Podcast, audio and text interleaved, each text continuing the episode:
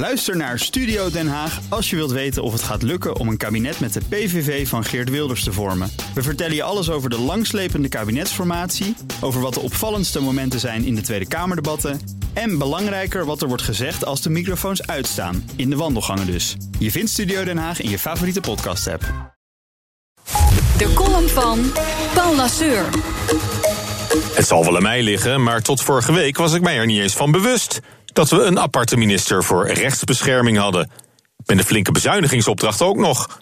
Aan Sander Dekker de taak om het stelsel van gesubsidieerde rechtsbijstand grondig te hervormen, omdat het onbetaalbaar dreigt te worden. De plannen van minister Dekker krijgen volgens nog weinig bijval. En dat is volkomen begrijpelijk.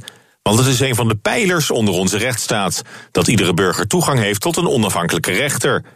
Als hij of zij geen geld heeft voor een advocaat, kan altijd een beroep worden gedaan op gesubsidieerde rechtshulp.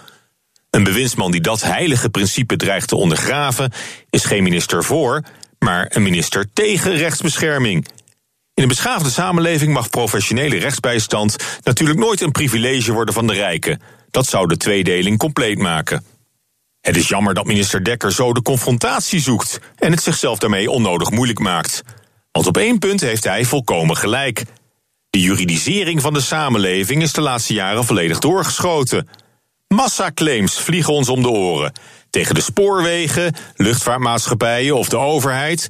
Ook particulieren lijken steeds vaker een advocaat in te schakelen en de gang naar de rechter te maken. In arbeidsgeschillen, echtscheidingen, burenruzies, letselschade, ga zo maar door. Het zijn Amerikaanse toestanden. Als iets je niet bevalt, see you in court. Geen wonder dat het systeem overbelast raakt. Alleen moet de oplossing niet worden gezocht in een beperking van de gesubsidieerde rechtshulp, maar in een uitbreiding van alternatieve vormen van geschilbeslechting en bijstand, ook op het psychosociale en maatschappelijke vlak. Van eindeloos procederen is nog nooit iemand gelukkig geworden. Het is meestal een zaak van lange adem en diepe zakken. Niet voor niets luidt een oude wijsheid onder juristen: wie procedeert om een koe, legt er een toe. Rechtszoekenden zijn meestal beter af met een snelle schikking of buitengerechtelijke bemiddeling in hun zaak. Ook de rechtspraak is hard aan modernisering toe. Het kan vele malen sneller, eenvoudiger en goedkoper. In standaardprocedures laat het vonnis zich nu al makkelijk voorspellen met behulp van big data en algoritmes. In de nabije toekomst kan het gros van het werk in de rechtspraktijk door de computer worden gedaan.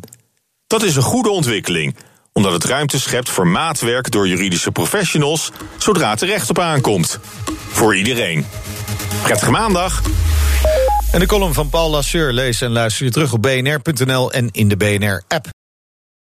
Ook Bas van Werven vind je in de BNR-app. Ja, je kunt live naar mij en Iwan luisteren tijdens de ochtendspits. Je krijgt een melding van Breaking News. En niet alleen onze podcast Ochtendnieuws, maar alle BNR-podcasts vind je in de app. Download nu de gratis BNR-app en blijf scherp.